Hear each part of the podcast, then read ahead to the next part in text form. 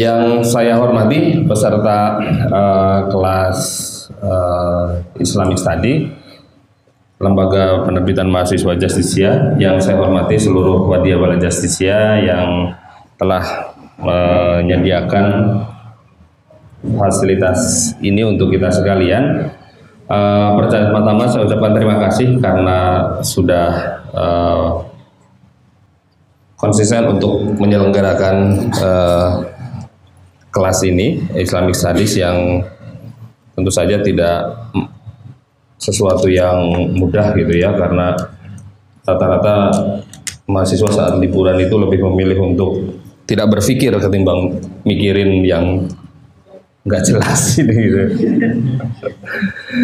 ya, uh, tapi teman-teman memilih uh, apa mengambil pilihan yang berbeda dan saya kira ini adalah bagian dari cara kita untuk memaknai kehidupan uh, akademik gitu ya. Nah, berkaitan dengan hal itu berarti saya lupa ini penyelenggaraan yang keberapa ya? Yang kelima atau berapa gitu. Jadi tiap tahun Justisia rutin menyelenggarakan kegiatan ini untuk publik. Jadi semua uh, teman-teman bisa mengakses ini, tidak hanya teman-teman Justisia. Uh, tokoh yang ingin kita gali namanya Maulana Farid Esak. Uh, teman-teman kalau ada nama Maulana MLN itu ini nggak usah ini deh. Uh, Maulana itu biasanya biasa merupakan gelar yang didapatkan oleh scholar oleh para sarjana yang mendalami ilmu Quran di Pakistan kalau tidak keliru atau pokoknya di daerah Asia Selatan sana. Makanya Farid Esak di depan namanya itu ada MLN-nya Maulana, Maulana Farid Esak itu untuk menunjukkan kesarjanaan dia. Jadi ia adalah seorang sarjana uh, ulumul Quran, sarjana tafsir Al-Quran yang sangat-sangat tentu saja concern dengan uh, apa namanya ilmu ilmu Al-Quran. Nah, kata kunci untuk memahami pemikiran uh, Farid Esak ini adalah keyword atau kata kunci memahami pemikiran Farid Esak itu sebenarnya uh, tidak sulit. Ia lahir di Afrika Selatan.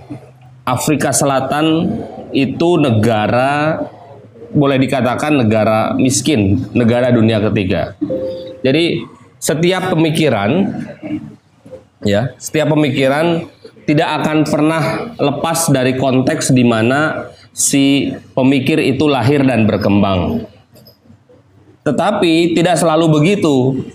Kadang-kadang ada orang yang berpikir tetapi tercerabut dari konteksnya gitu ya. Artinya konteks masyarakat seperti apa, tetapi dia berpikirnya lain, berbeda. Nah, karena apa? Karena dia tidak tidak merupakan orang yang mungkin meng, me, merespon konteks masyarakat. Farid Esak berbeda. Dia adalah sarjana. Nah, ini ini menariknya nih. Dia sarjana cum aktivis. Dia sarjana dan juga aktivis. Jadi dia tidak hanya hidup di kampus ya, dia tidak hanya ngajar, tidak hanya bolak-balik kampus rumah kampus rumah. Tetapi di tengah aktivitas akademiknya itu ia juga melakukan aktivitas sosial kira-kira begitulah gitu. Jadi dia dia juga mendirikan lembaga, dia mendirikan yayasan, dia mendirikan foundation untuk apa? Untuk menerjemahkan pesan-pesan Islam yang universal ke dalam ranah nyata. Nah, saya sengaja memilih Farid Esa kepada teman-teman Justisia karena saya kira kalau dianggap intelektual organik kalau kata Gramsci, mungkin ini yang agak mendekati ideal. Dia lah ya ada di kampus ya. Jadi dia paham secara teoritis tetapi juga dia tidak meninggalkan konteks di mana dia berkembang, dia hidup. Afrika Selatan. Jadi pikirannya itu sesuatu yang match ya kalau bahasanya Nadiem Makarim link and match gitu ya. Dia pikirannya nyambung dengan realitanya. Nah, dari realita itu re antara konteks dengan teks ia dialogkan. Makanya kemudian muncullah uh, apa ya? Yang dalam bahasa saya kemarin dikirimi buku yang bahas tentang apa namanya uh, pikiran Farid Esak judulnya judulnya mungkin kalian banget ya atau kita banget. Quran of the oppressed. Qurannya orang tertindas. Qurannya orang tertindas. Jadi bagaimana uh, saya kirim ke siapa ya? Pokoknya kalau nggak salah ada di sudah ada di HP Mas Ruri. Tinggal di share ke teman-teman saja atau download sebentar juga mungkin nggak terlalu lama. Jadi judulnya ada ada yang menulis uh, namanya Syadab Rahimtullah. Syadab Rahimtullah itu menulis buku judulnya Quran of the Oppressed. Dia meneliti empat pemikir. Satu Farid Esak, yang kedua Asgor. Asgor udah? Nggak dibahas nggak? Nggak dibahas. Dua Asgor Ali Engineer. Yang ketiga saya lupa ya. Perempu tiga dan empat itu perempuan. Uh, tiga Aminawad Dud ya, uh, yang keempat Farid Esak Asgor Ali Engineer.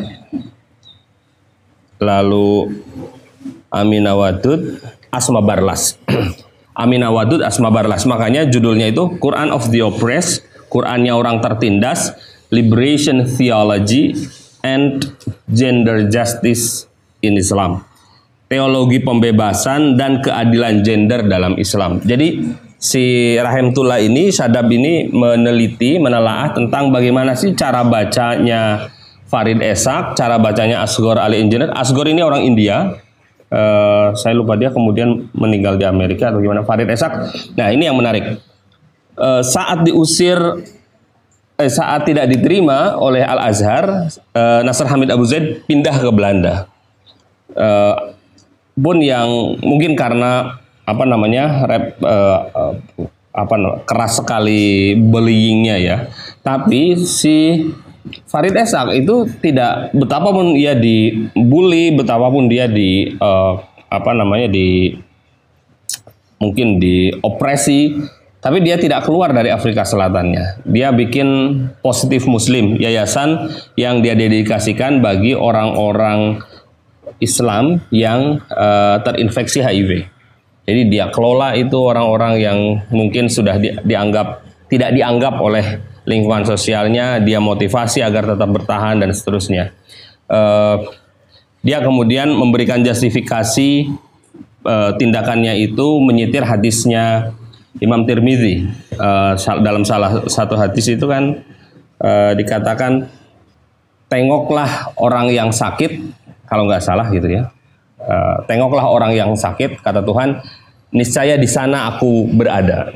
Nah oleh uh, Farid Esak ini dijadikan legitimasi bahwa penting sekali merawat mensupport mendukung orang-orang orang-orang yang sakit itu. Nah, ini pesan moral yang dia derivasi dari teks dari Al-Qur'an ke dalam e, praksisnya. Makanya judul buku Esak yang uh, familiar, yang judul bukunya bahasa Inggris Quran Pluralism and Liberalism itu diterjemahkan dengan bebas oleh penerbit Mizan. Judulnya itu membebaskan yang tertindas, Liberation of the oppressed atau membebaskan yang tertindas. Jadi melihat judulnya saja kita paham bagaimana sih sebenarnya arah dari teologi atau cara pembacaan Farid Esak terhadap terhadap teks. Nah, jadi uh, jadi Farid Esak figur yang menurut saya adalah apa ya uh, seorang yang di dalamnya ada ada uh, semangat aktivis dan semangat intelektual dan di sisi lain intelektual intelektualitasnya itu bukan bukan sembarangan karena memang dibangun dari cara baca dia terhadap terhadap teks. Fazlur Rahman ada sudah. Nah, cara baca uh, Farid Esak itu kurang lebih sama dengan Fazlur Rahman dalam konteks double movementnya. Saya kira mungkin di awal Pak Abu sudah me, apa namanya sudah mengintrodusir sedikit karena itu tidak jauh ber, ber, berbeda. Nah, Rahim Tula itu menyebut teologinya Farid Esak itu sebagai theology of the margins. Theology of the margins itu apa ya? Teologi pinggiran, teologi orang pinggiran, gitulah ya, teologi orang pinggiran. Jadi teologi pinggir, teologi pinggiran apa teologi orang pinggiran? Teologi teo, theology of the margin, berarti teologi orang pinggiran ya, karena ada de-nya. Theology of the margin. Jadi teologi orang pinggiran. Nah, ini menarik karena apa? Karena Afrika Selatan itu sekali lagi negara miskin, negara dengan yang saya baca Eh, saat saya menggeluti isu HIV, negara dengan prevalensi HIV yang sangat tinggi di dunia, tidak tertinggi tapi cukup tinggi di dunia, artinya itu merupakan satu fenomena yang memanggil Esak untuk untuk bertanya kepada dirinya sendiri, apa kontribusi Islam untuk kemanusiaan? di mana Islam berada ketika ada orang sekarat hendak mati karena penyakit. Di mana Islam itu ada. Nah, rumusan tentang cara berpikir yang dibangun dari konteks itu kemudian melahirkan theology of the margins. Teologinya orang-orang pinggiran, teologinya orang-orang tertindas. Maka dia membaca Al-Qur'an Nah, membaca Al-Quran untuk kepentingan orang-orang yang tertindas. Itulah kira-kira seperti itu. Saat kuliah di UIN itu karena saya nggak ini ya karena saya nggak uh, lihat langsung. Tapi saya nonton di Facebooknya Elsa saat itu karena Elsa menyiarkan secara langsung. Dia pernah nanya begini di era sekarang saya masih ingat di era sekarang bagaimana kita bagaimana kita berhadapan bagaimana Islam dealing berhadapan dengan era di mana kita punya 5000 teman di Facebook tapi tak satu pun ada teman di dunia nyata Bagaimana di era sekarang kita hidup di apa namanya di era di mana kita punya 5000 teman di Facebook tapi tak satu pun kita punya teman di dunia nyata. Uh, bagaimana sih konteks Afrika Selatan itu? Teman-teman kalau pernah di beranda Facebooknya tiba-tiba keluar iklan dari VOA, Voice of Indonesia, Voice of America Indonesia, itu ada ada percakapan antara dua orang Indonesia dengan orang Afrika Selatan. Orang Indonesia pakai bahasa Indonesia, orang Afrika Selatan itu pakai pakai bahasa Afrikaans. Nah, mereka kemudian eh, apa namanya bersama-sama melafalkan simbol-simbol tertentu. Misalnya eh, office kantor kan. Terus orang Indonesia itu bilang kantor gitu.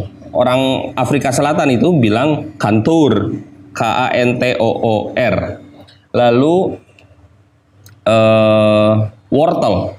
Orang Indonesia bilang wortel, uh, orang uh, Afrika Selatan dari Cape Town itu bilang W W tapi agak ke V gitu, wortel.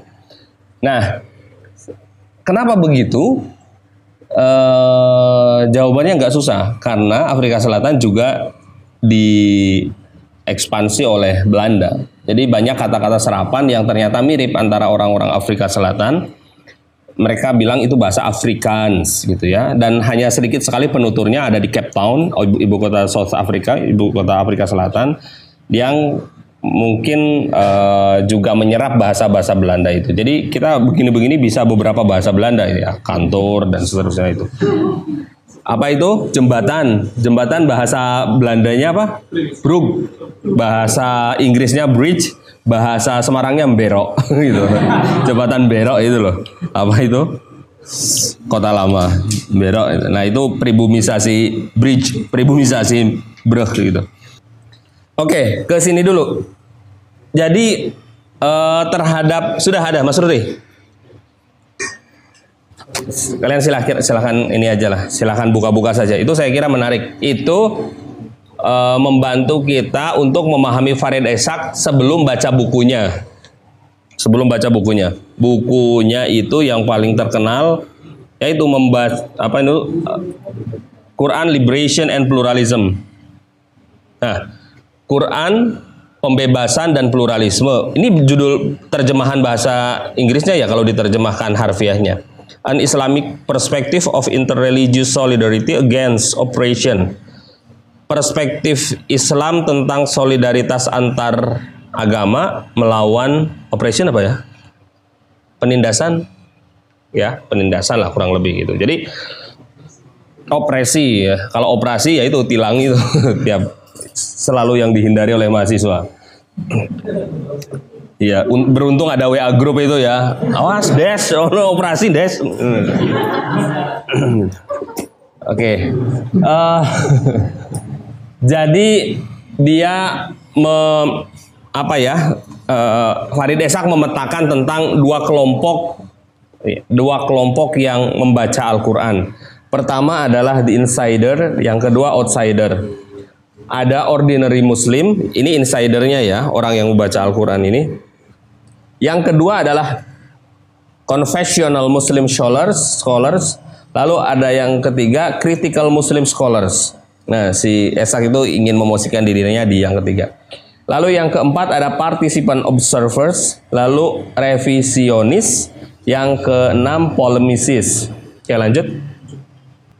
Nah, ini yang namanya uncritical lover atau yang tadi pertama ordinary muslim itu.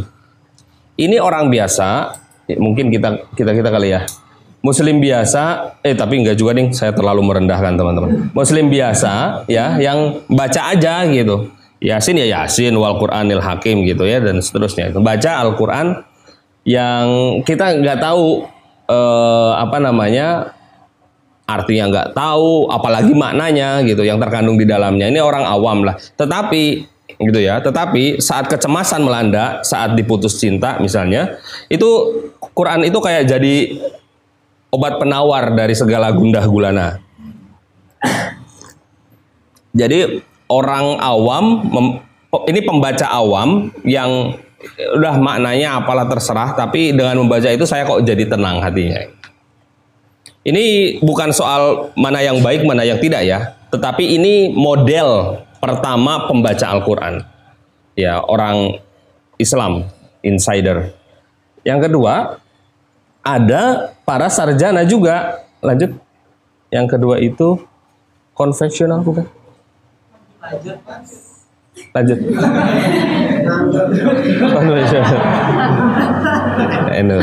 Jem, jembatan tidak terhubung kan kaki pasangin. Yang kedua confessional Muslim scholars atau pemerhati, pemerhati kajian Islam tetapi apa ya mencoba untuk menjadi guardian lah gitu. Jadi apa ya istilahnya ya pe, penjaga gitu ya. Pokoknya jangan sampai terkena serangan dari semiotika hermeneutika lah kira-kira. Jadi ini sarjana-sarjana muslim yang mencoba mengelaborasi Al-Qur'an tetapi melihat aspek-aspek yang konvensional itu ya yang yang umum gitulah kira-kira begitulah. Yang umum yang yang mainstream ya di di dalamnya. Nah, itu termasuk di apa namanya Abul A'la Al-Muduti, Husain Tobat Tobai dan yang lain-lainnya gitu. Jadi dia murni menggunakan nah ini mungkin yang lebih mudah murni menggunakan perangkat perangkat ilmu Islam tradisional dalam memahami uh, menginterpretasikan teksnya. Lalu yang kedua, yang ketiga, ya apa namanya critical Muslim scholars kata Farid Esak. Jadi ini yang melakukan atau sarjana Islam yang melakukan kajian-kajian terhadap Al-Quran secara kritis dengan meminjam uh, piranti-piranti pendekatan sosial misalnya dan seterusnya. Ada Nasr Hamid Abu Zaid ya, meminjam bahasa Abu Zaid kata Esak studi teks haruslah merupakan kelanjutan dari pernyataan dan budaya sebagai kodrat empirik. Dari kodrat ini kita tiba pada pemahaman ilmiah tentang teks. Esak menempatkan dirinya pada uh, apa namanya pada konteks ini. Jadi ada pembaca umum, ada pembaca normatif, sarjana normatif, ada sarjana kritis lah kira-kira menurut dia.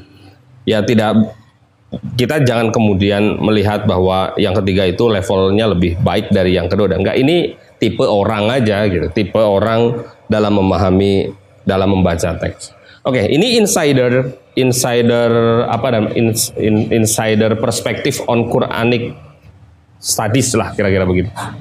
Nah, yang keempat, ini kita sudah outsider. Outsider itu sudah dia di luar. Sudah me, apa ya? Sudah merupakan orang-orang di luar Islam yang membaca Al-Qur'an uh, tapi dia juga memberikan kontribusi. Jadi friend of lover atau partisipan observers adalah peneliti luar, outsider, yang mengkritisi Al-Quran dengan ragam pendekatan dan memberikan kontribusi apa namanya berharga bagi umat Islam. Misalnya ada orang namanya Wilfred Cantwell, Cantwell Smith. Nah, Wilfred Cantwell Smith itu seorang fenomenolog. Dia menulis buku judulnya apa itu kitab suci? What is Scripture? Lalu Montgomery Watt dan seterusnya, Kenneth Gregg dan yang lain-lain. Lalu yang kedua, nah ada peneliti tetapi ya dia ingin me, me, membaca Al-Qur'an tetapi lebih apa ya, subjektif gitu. Jadi ingin melihat ya ingin melihat kelemahannya aja gitu. Jadi memang harus diakui ada para peneliti non Islam yang objektif. Ada juga peneliti di luar Islam itu yang betul-betul ingin mencari kelemahan. Nah, misalnya ada John Wansbrough gitu ya dan seterusnya Andrew Ripin. Tak, meskipun dia e, mengkritisi Al-Qur'an dan cenderung me, mencari kelemahan, tetapi di saat lain ia mengakui hal-hal yang positif dari Al-Qur'an sejauh diungkap dengan argumentasi yang meyakinkannya. E, apa namanya? Mungkin di satu sisi dia menolak tentang Isra Mi'raj misalnya. Tapi di sisi lain dia bisa memahami tentang tradisi kisos sebagai kelanjutan dari tradisi masyarakat Arab pra-Islam misalnya. Sejauh argumentasi itu bisa diterima secara ilmiah, dia terima. Tetapi kalau di luar misalnya di luar uh, apa ya, di luar template rasional dia nggak terima. Kira-kira begitu.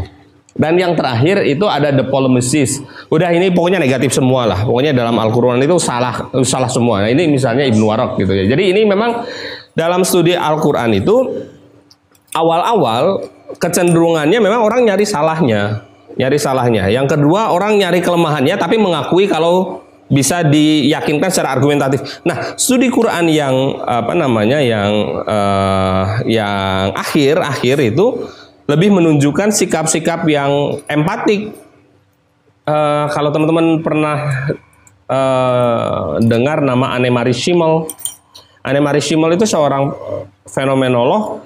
Dia menulis Islam dengan sangat-sangat simpatik. Saya kalau ngajar metodologi studi Islam selalu mencontohkan ya, Anne-Marie Schimmel ini sebagai apa namanya sebagai contoh bagaimana Islam didekati secara fenomenologi.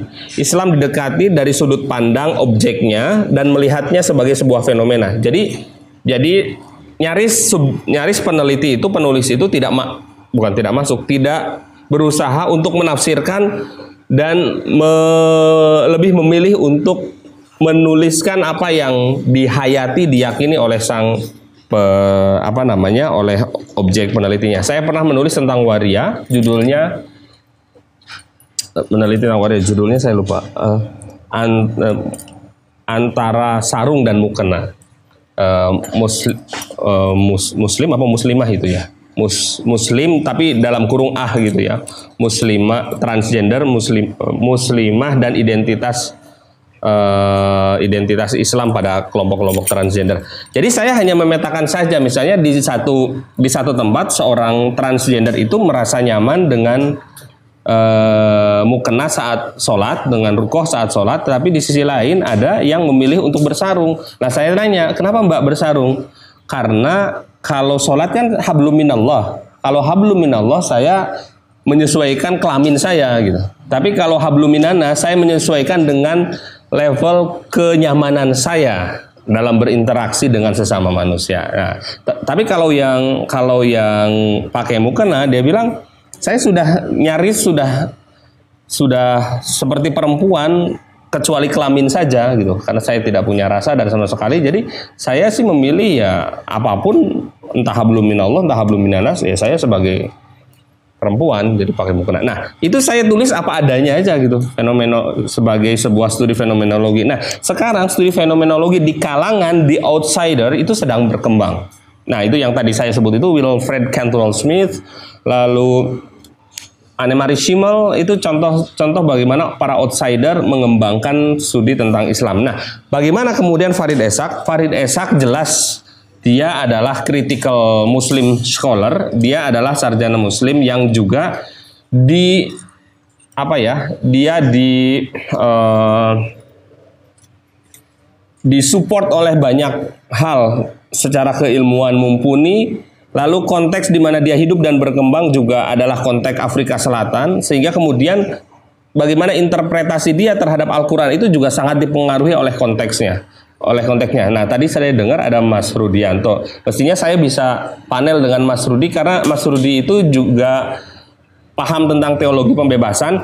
Nah, oleh si uh, Rahim Tula Farid Esak itu dikategorikan sebagai Islamic Liberation Theolog, Theologians. Jadi salah seorang teolog Islam pembebasan, teolog pembebasan Islam. Jadi di, dia berusaha untuk menjadikan agama sebagai spirit untuk melakukan pembebasan terhadap kelompok-kelompok marginal, orang yang terinfeksi HIV, orang yang miskin, orang yang direpresi karena ingat Afrika Selatan itu pernah mengalami politik apartheid di mana orang-orang hitam itu di apa namanya di uh, ya di di subordinatkan ya menjadi subordinat orang berkulit putih. Pada waktu yang sangat panjang dia pernah menjadi penasehat kalau tidak salah atau salah satu orang di, di kabinetnya Nelson Mandela yang apa namanya yang kemudian uh, Piala Dunia di Afrika Selatan itu kan salah satu penghargaan terhadap uh, apa namanya terhadap uh, itu gitu ya. Dan konon yang mengusulkan itu Gus Dur perlu dicek lagi tapi kalau tidak salah yang mengusulkan World Cup di Afrika Selatan tahun berapa itu ya Harur? 2010. Eh? 2010 itu Gus Dur sebelum beliau meninggal tahun 2009. Nah, karena kan biddingnya biasanya 4 atau 8 tahun. Jadi kira-kira seperti itu. Nah, yang mungkin agak yang mungkin tidak bisa saya sampaikan adalah bagaimana soal metode tafsir uh, Farid Esak ya, karena mungkin keterbatasan waktu. Tetapi saya punya dua buku Farid Esak berbahasa Indonesia. Satu ada di atas, kalau nggak salah di Elsa Putri. Judulnya On Being Muslim. On Being Muslim itu judulnya aja bahasa Inggris, tetapi isinya bahasa Indonesia. Tapi judulnya tidak diubah, tetap bahasa Inggris On Being Muslim tentang apa ya? Itu catatan-catatan personal Farid Esak. Yang kedua bukunya sepertinya ada di Elsa bawah, judulnya Membebaskan yang Tertindas. Tapi kalau di Elsa bawah ya saya ya setengah hakul yakin hilang gitu. Atau kalau ataupun kalau kalau tidak hilang sudah berpindah tempat dari uh, wadah yang semestinya. Nah, itu nyarinya susah. Saya kira itu dulu kali ya. Eh, teman-teman uh, mungkin bisa ada yang ingin disampaikan. Tapi sebenarnya refleksi saya yang paling dalam soal Farid Esak itu selain theology of the margin adalah ini. Ini nih penting. Bisa jadi satu theology of the margins, yang kedua saat dia ditanya tentang kenapa mendirikan positif muslim bagi orang-orang yang terinfeksi HIV dan orang-orang marginal lain, dia bilang Tuhan itu Inilah yang saya sebut sebagai theology of compassion. Theology of compassion itu teologi apa ya? Kasih sayang. Rah Rahman apa Rahim? Rahman ya. Theology of compassion itu jadi teologi kasih sayang. Sederhana sebenarnya, tapi karena di Inggris kan jadi agak gagah. Ini kan banyak teologi kasih sayang. Jadi tentang bagaimana Tuhan itu Asmaul Husna itu kan lebih banyak soal kasih sayang kan ketimbang soal aljabar gitu loh soal yang ketimbang yang galak, yang Rahman yang Rahim itu kan lebih banyak. Coba yang hafal Asmaul Husna coba di di list mana yang masuk kategori Jabar, mana Rahman Rahim. Pasti banyak Rahman Rahimnya gitu. Nah, itu itu untuk menunjukkan bahwa sebenarnya dimensi nah ini kata fenomenolog Islam itu sering dikategorikan sebagai agama yang bertumpu pada nomos. Nomos itu domestos nomos sobat nyamuk. Nomos itu hukum. Jadi Islam itu bersama Yahudi sering kali dikategorikan sebagai nomos oriented religion, agama yang berorientasi pada hukum, ya kan? Kita kalau ngapa-ngapain aja sebenarnya ini boleh apa enggak, halal apa haram, itu kan fondasi dasar aktivitas keislaman kan. Nah, misalnya melihat Terus dia kamu lihat yang berjilbab itu uh, boleh apa enggak gitu. Boleh boleh gitu misalnya gitu. Nah, kan pertama ditanyanya itu boleh apa enggak?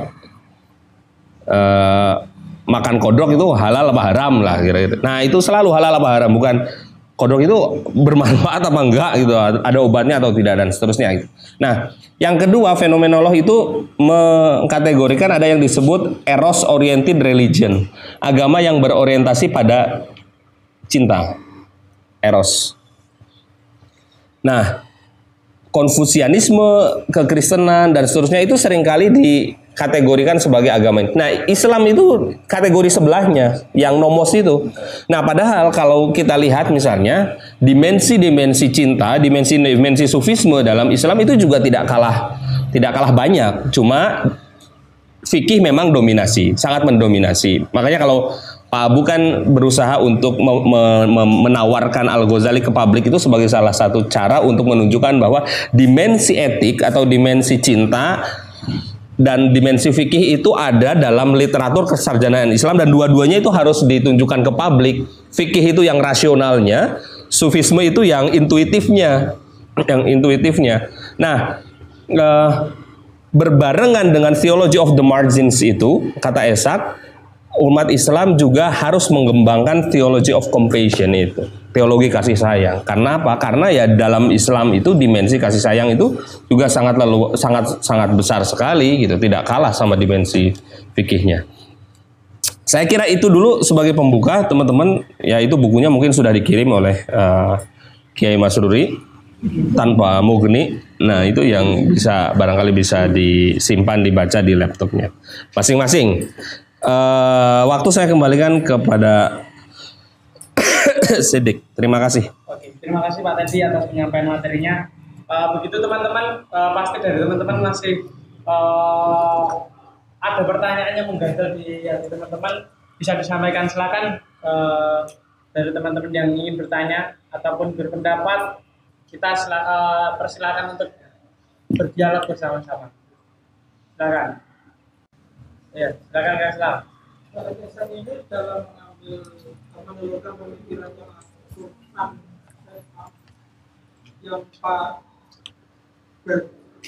Islam sebagai tempat bernamanya orang-orang yang tertinggal itu apakah hanya dari penelitiannya sendiri?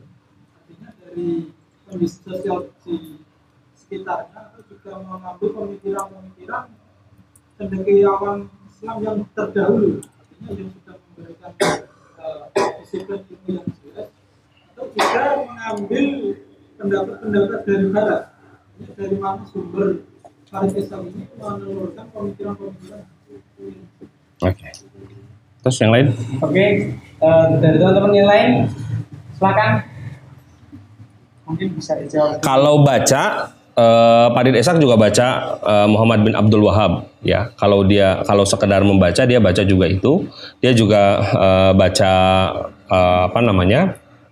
Uh, Fazlur Rahman. Dia juga baca Abdul Alam Maududi. Artinya secara uh, karena begini ya, kalau studi Quran itu kan pakemnya itu sudah sudah jelas ya, maksudnya sudah urunut gitu. Jadi kalau mau baca uh, apa namanya ulumul Quran ya baca ini gitu. Kalau mau baca tafsir ya jadi dia baca juga Husain Toba Tobai, dia baca dia bu, juga baca uh, apa namanya uh, Al-Qurtubi dan yang lain-lain. Artinya uh, secara referensial dia juga merujuk kepada karya-karya ulama klasik gitu ya. Merujuk kepada ulama-ulama klasik bahwa kemudian dia me, menyandingkannya dengan apa namanya dengan karya-karya kekinian itu hal yang pasti karena karena apa karena uh, bu, judul bukunya yang yang diterjemahkan menjadi membebaskan yang tertindas itu an Islamic perspective of, of interreligious solidarity jadi perspektif Islam tentang bagaimana membangun solidaritas antar iman untuk melawan uh, ke, ke, kekerasan arti. Nah, ketika bicara tentang interreligious solidarity itu mau tidak mau juga dia loncat melihat bagaimana tradisi atau teks keagamaan di di agama-agama lain berbicara tentang melawan ketertindasan. Nah, itu itu hal yang mungkin dan ini sebenarnya karakter yang kuat yang dipegang oleh sarjana-sarjana muslim yang kita diskusikan di pemikiran ini. Tidak ada yang se, tidak ada yang hanya ber berkiblat pada pemikiran-pemikiran barat saja. Misalnya siapa? Yang Farid Esak, Fazlur Rahman, Nasr Hamid Abu Zaid dan sebagainya. Saya saya kira semua yang ada yang kita diskusikan adalah para intelektual muslim yang yang mencoba untuk memadukan antara aturos wal hadasah, antara apa namanya? antara keduluan dan kekinian, antara eh, apa namanya? antara yang dahulu dengan yang sekarang, antara warisan masa lalu dengan warisan masa kini. Jadi inilah misalnya dari dari sisi pemahaman sosialnya tentu Esak ngambil ngambil pemikir-pemikir yang sekarang tentang bagaimana liberation theology pemikir sekarang. Tetapi soal semangat Quraniknya dia mengistilahkan ada yang disebut sebagai prophetic solidarity atau solidaritas kenabian. Jadi apa pun agamanya sebenarnya memiliki solidaritas bersama yang disebut solidaritas kenabian. Solidaritas kenabian itu solidaritas untuk merangkul atau me, apa ya menaikkan harkat dan derajat orang-orang yang terpinggirkan itu. Makanya dia sebut sebagai solid prophet. Itu kan tugas-tugas kenabian. Makanya Islam itu kan agama yang uh, apa namanya yang di dalamnya ada prophetic voices. Suara-suara kenabian. Ada satu kalimat yang uh, yang apa namanya yang saya suka tadi dari Farid Esak yang ditulis oleh Rahmatullah itu. Ada di bagian awal. Oh gitu. Ini nih.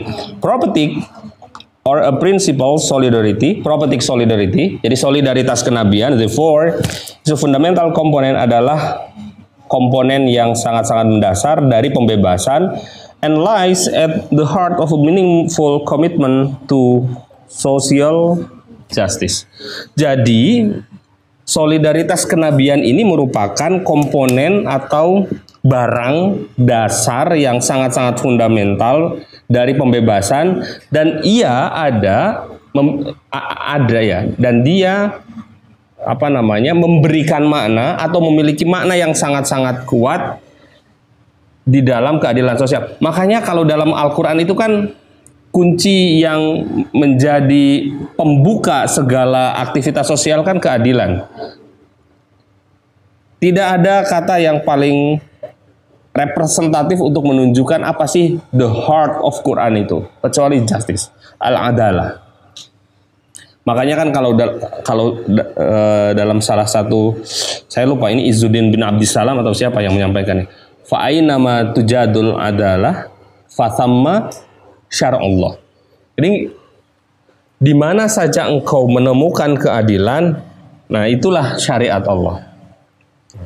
Jadi fa'in nama tujadul adalah Karena kalau kemudian di diperas the heart of Islam itu, the heart of Quran itu, kita akan ketemu pada satu kata, justice. Jadi uh, keadilan ini jantungnya uh, Al-Quran, jantungnya Islam. Yang kalau dalam mungkin kalau dalam tradisi teman-teman Kristen, compassion itu adalah jantungnya. Dalam Islam itu jantungnya itu al-adalah. Nah, al-adalahnya Islam, compassionnya Kristen itu menjadi interreligious solidarity against oppression. Ayo kita bawa keadilan, kita bawa kasih sayang ke ruang publik untuk melawan ketertindasan yang saat itu konteksnya adalah politik apartheid itu. Jadi ini adalah teologi pembebasan. Teologi pembebasan itu bagaimana menjadikan agama bukan hanya sebagai sebagai apa namanya sebagai sesuatu yang ada di wilayah privat saja. Kan ada istilah privatisasi agama ya kayak privatisasi air gitu. Privatisasi air privatisasi agama. Agama di privatisasi agama hanya menjadi urusan privat saja. Jadi kalau ke ruang publik ya kita nggak harus bawa agama. Itu keliru. Kata Jose Casanova, liberation theology itu harus merupakan public religion. Dia nggak boleh diprivatisasi. Halus sebaliknya, dideprivatisasi. Kita beragama, tapi kemudian tidak hanya ada di wilayah privat, lalu menjadikan agama sebagai alat untuk mentransformasi. Jadi tradisi agama ditransformasi untuk membangun semangat pembebasan. Itulah yang disebut teologi pembebasan membebaskan orang yang tertindas ya, orang yang miskin, orang yang uh, tergenap pelebaran jalan tol dan tidak dipenuhi haknya dan ada tanggung jawab agama di sana. Jadi orang-orang beragama tidak hanya soleh secara ritual saja, tidak soleh secara individual saja, tapi juga soleh secara sosial. Nah, itulah yang ingin dikatakan oleh oleh Farid Esak melalui theology of the margins-nya itu. Itulah yang mestinya dilakukan oleh seorang pemuka agama. Dia tidak hanya berdiri nyaman di rumah ibadahnya masing-masing, tetapi dengan baju agama yang dikenakannya, dia membela orang-orang yang lemah. Teologi pembebasan oleh Gutierrez itu digambarkan begitu. Orang eh, para pastor-pastor di Nicaragua misalnya, para pastor di Amerika Latin itu apa namanya dengan jubahnya dia melawan junta militer, dia melawan uh, apa namanya melawan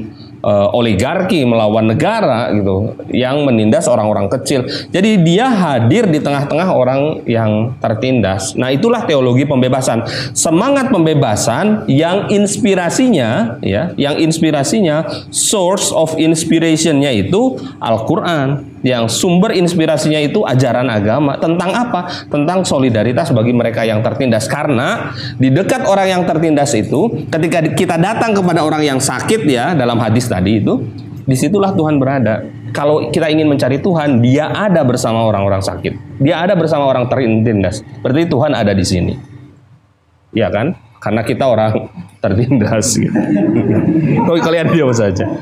Kayak kalau kata Romo Mangun kan Romo Mangun ya, Mangun Wijaya yang di Jogja itu. Ketika dia ketika beliau me, apa namanya menata Kali Code itu menata orang-orang yang ada di bantaran sungai Cili, sungai Kali Code di Yogyakarta itu dia bilang kepada yang mengikutinya uh, hei uh, nak dek gitu, mbak mas pak bu lihatlah mereka.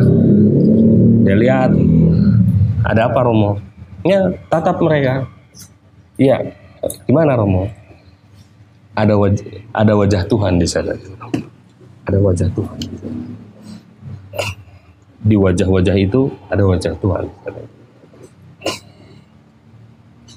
Nah itulah beda ya cara rohaniwan mendalami agama yang sedemikian dekat dengan orang-orang yang terpinggirkan. Oke, yang lain? Oke, silakan dari teman-teman yang lain ada tanggapan atau pertanyaan. Silakan Mas Saya. Hmm. Dari desa sendiri ada gagasan atau tawaran yang bisa dilakukan untuk membebaskan masyarakat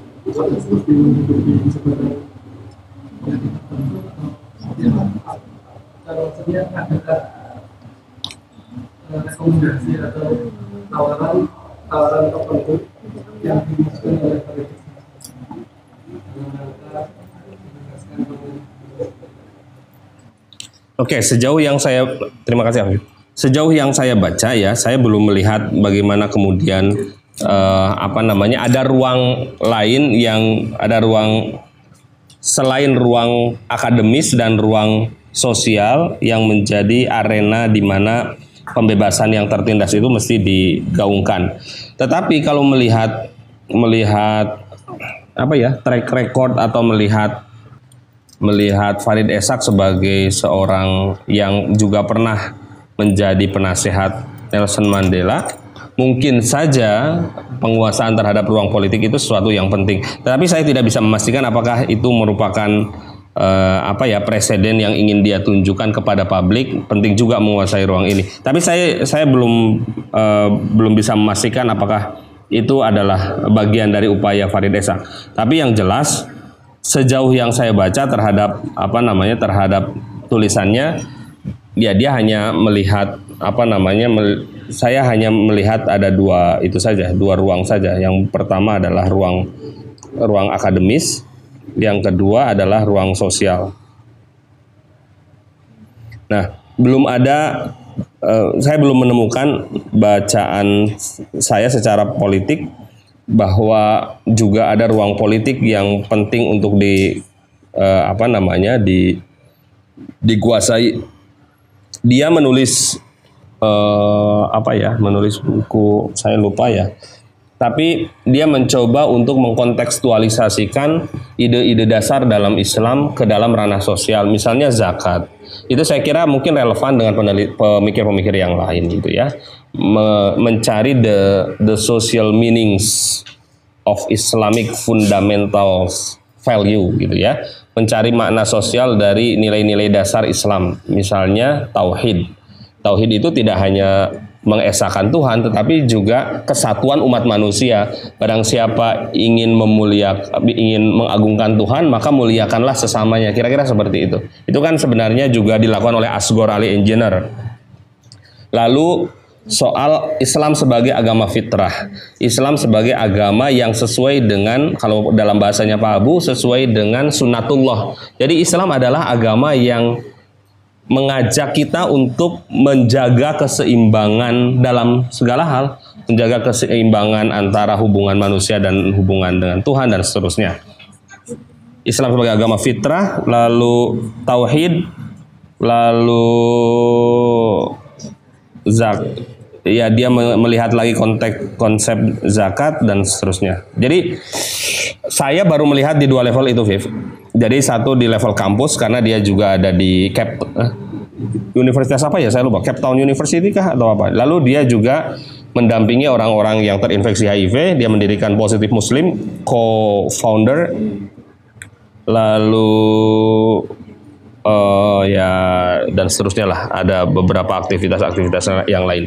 Jadi itulah apa namanya dua ruang ini yang baru saya temukan. Mungkin nanti akan saya cek lagi eh, apakah apakah ketika akti- dia dia beraktivitas sebagai bagian dari pemerintah itu juga merupakan rekomendasi dia untuk melakukan semacam eh, menunjukkan kepada publik agar juga menguasai ruang-ruang seperti itu.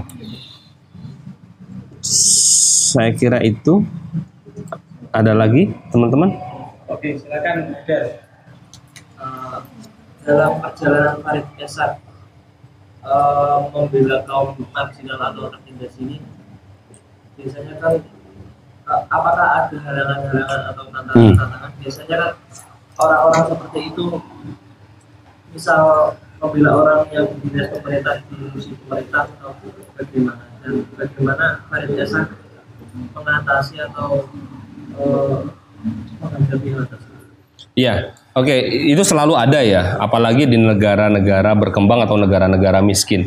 Jadi em, satu apa namanya eh, tentangan itu datang dari konservatisme, konservatis grup gitu ya, kelompok-kelompok konservatif. Yang kedua, sebenarnya ada orang yang merasa terganggu karena karena bukan masalah pemahamannya, tetapi masalah eh, ekonominya gitu masalah ekonominya.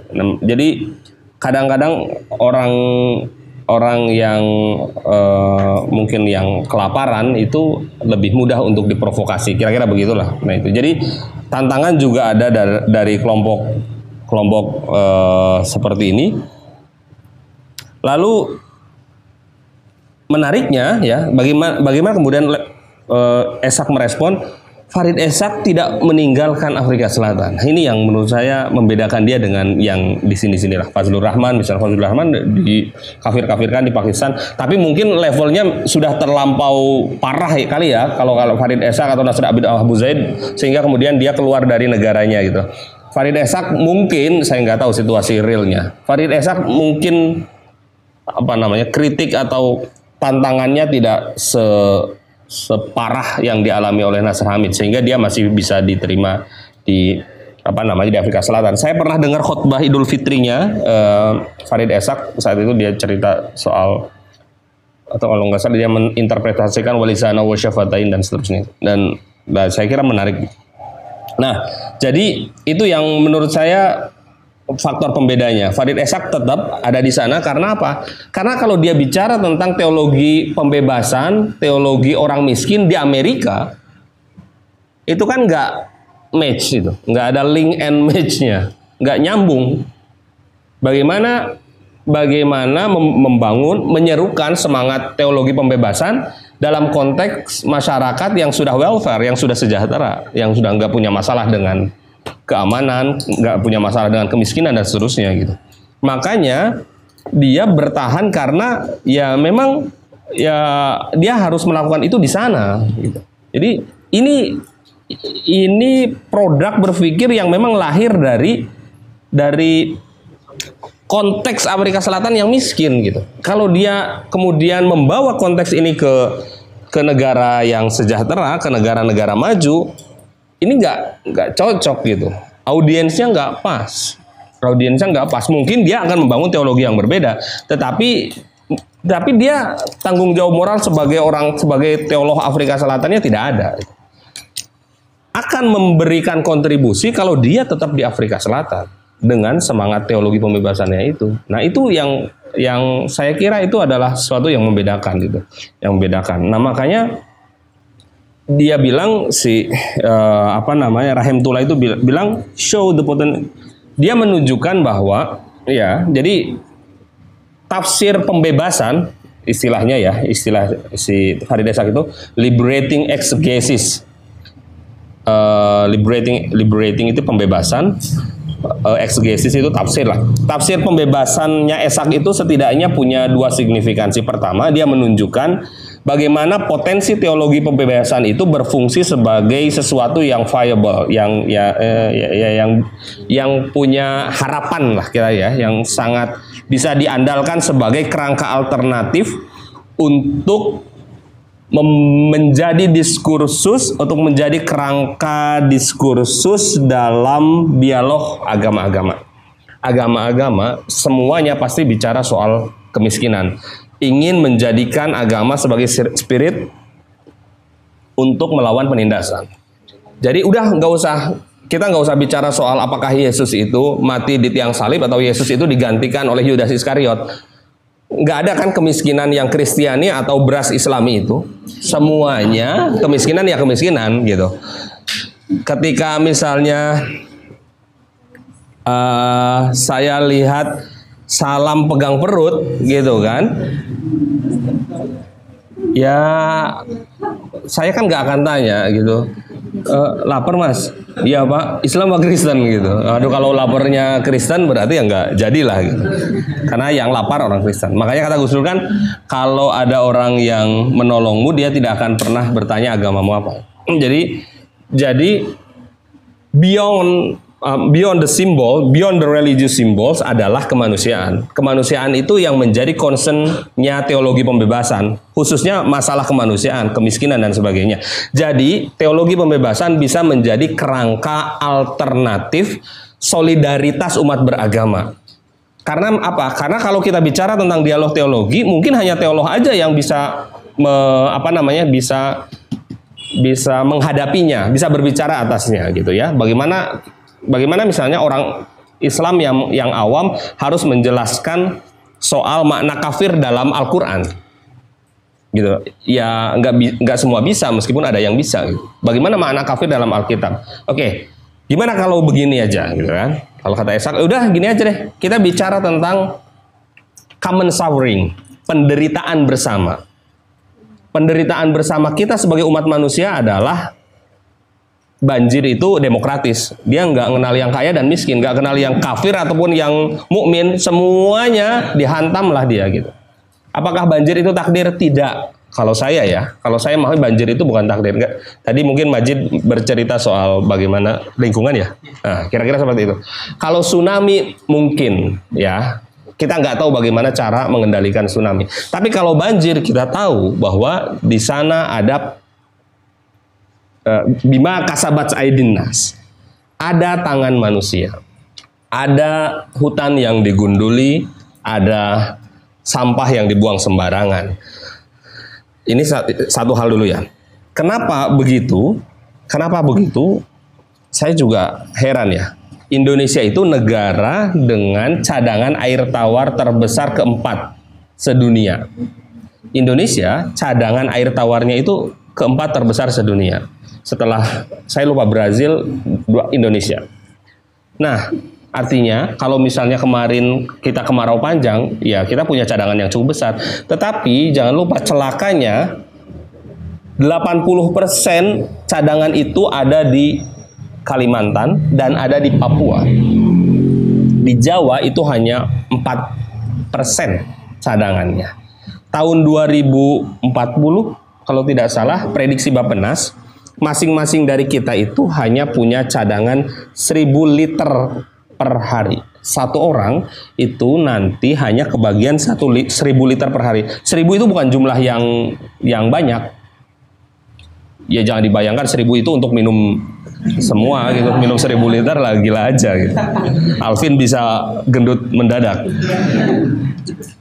1000 liter per hari bayangkan kebutuhan kita per hari itu berapa gitu ya mandi mencuci MCK minum dan sebagainya konsumsi keseharian. Dan perempuan yang paling menderita. Ya kan? Perempuan yang paling menderita jangan nah ini ini yang ini perspektif ekofeminisme. Perspektif ekofeminisme. Air itu dilihat dari sudut pandang keperempuanan. Sangat-sangat penting sekali. Nah eh Bagaimana menghadapi situasi seperti itu? Artinya apa? Artinya itu adalah keprihatinan kita bersama umat beragama bisa apa? Punya kontribusi apa terhadap ini gitu. Nah, kan orang nggak nggak bakal nanya ya is nggak apa-apa lah di Nusa Tenggara kekeringan sana orang-orang kafir semua gitu. Gitu. Kan nggak bisa itu common suffering. Itu adalah penderitaan bersama. Itu penderitaan bersama kita sebagai umat manusia. Nah, cara baca atau cara pandang eh, liberating exegesis ini, tafsir pembebasannya Farid Esak itu bisa menjadi alternatif diskursus ketika ke- kita ketemu dengan orang yang berbeda agama. Mari kita bicara soal kemanusiaan. Mari kita bicara soal kebersihan. Mari kita minimalisir penggunaan plastik misalnya. Meskipun jelek tapi ya bisa untuk kampanye ya, gitu kan. Nanti diisi ulang. Itu yang pertama. Yang kedua, nah, teologi pembebasannya Esak itu terasa signifikan karena ya, karena ada Islam di dalamnya. Dia menubuh dengan Islam. Jadi kalau kita menolong orang lain, itu tidak hanya sekedar habluminallah, habluminannas, tapi di dalamnya itu ada ada ridho Tuhan. Kira-kira begitu. Jadi ketika kita apa namanya men- menolong orang yang sakit tanpa pandang bulu apakah yang sakit itu adalah seiman atau tidak, seagama atau tidak, kita tidak hanya menolong manusia, tetapi kita sedang ya menjalankan ajaran agama. Menjalankan ajaran agama. Nah, apa namanya menanamkan nilai spiritual di dalam laku sosial, di dalam perilaku sosial itu bagi beberapa kalangan umat Islam itu penting. Agar apa? Agar kita tidak hanya mendapatkan ridho dari manusia sama, tapi juga mendapatkan ridho dari Tuhan. Kira-kira begitu kan? Kan orang itu selalu ada namanya teori pertukaran, ya teori pertukaran. Jadi kalau kita melakukan sesuatu kan ada yang ditukar. Kalau kita menolong manusia, oh Tuhan nan- nanti Tuhan akan menukar pertolongan kita kepada sesama itu dengan pahala. Karena ada manusia yang masih berpikir seperti itu. Nah, ketika menyematkan Islam di dalamnya, jadi Farid Esak tidak hanya sekedar berbicara soal relasi sosial saja, tetapi juga relasi vertikal dengan Tuhan gitu. Tuhan itu meridhoi aktivitas kita. Nah, itulah apa namanya dua signifikansi. Jadi teologi pembebasan bermanfaat untuk menjadi bahan diskursus dialog dengan umat beragama yang lain. Yang kedua, karena di dalamnya ada Islam, ya, ada semangat Islam, maka aktivitas kemanusiaan yang dilakukan oleh seorang muslim juga tidak hanya mengandung dimensi sosial tapi juga mengandung dimensi theologikalnya atau dimensi ketuhanannya. Kalau saya tidak salah baca kira-kira seperti itu. Jadi kemiskinan, kemelaratan, kesengsaraan, ketertinggalan dan sebagainya itu menjadi penderitaan bersama, menjadi common suffering, menjadi perhatian bersama umat beragama. Itulah sekarang tanggung jawab kita. Nah, oke. Jadi seperti itu kira-kira. Dan terakhir sebagai penutup, nah ini ini saya membaca Farid Esak ya. Saya membaca Farid Esak. Saya kemudian mengambil kesimpulan bahwa eh, kesalehan seseorang itu akan diukur oleh sejauh mana komitmennya untuk membebaskan yang tertindas. Kira-kira seperti itu. Jadi Sidik ini saleh apa tidak? Oh, kalau dilihat dari sholatnya sih enggak kayaknya gitu.